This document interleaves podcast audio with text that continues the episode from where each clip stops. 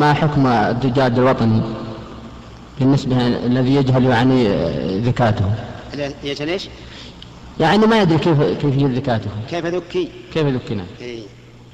ثبت في صحيح البخاري عن عائشة رضي الله عنها أن قوما أتوا النبي عليه الصلاة والسلام فقالوا إن قوما يأتون باللحم لا ندري أذكر اسم الله عليه أم لا قال سموا أنتم وكلوا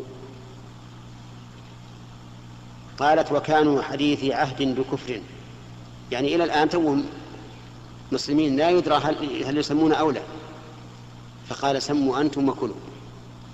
فأباح الأكل وإن كنا لا ندري هل سمى أو لا. كذلك يباح الأكل وإن كنا لا ندري هل ذبح على طريقة سليمة أو غير سليمة. لأن, لأن, لأن الفعل إذا صدر من أهله هذه أيضا قاعدة خذوها.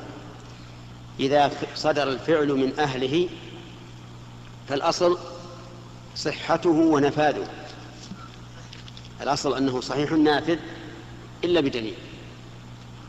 فإذا جاءنا مذبوح من مسلم أو من يهودي أو نصراني ما نسأل عنه ما نقول كيف ذبح ولا هل سمي عليه أو لا. فهو حلال.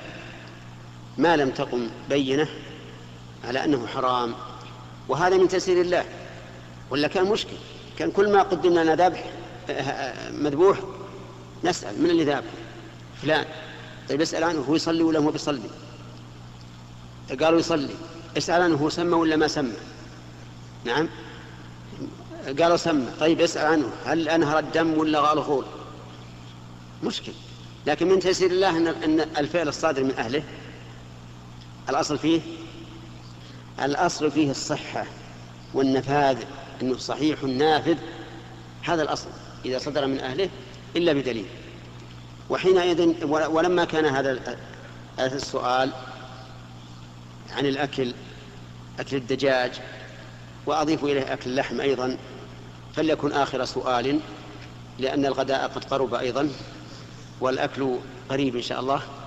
ونسأل الله تعالى أن يملأ قلوبنا علما وإيمانا وأن يغنينا بفضله عمن سواه.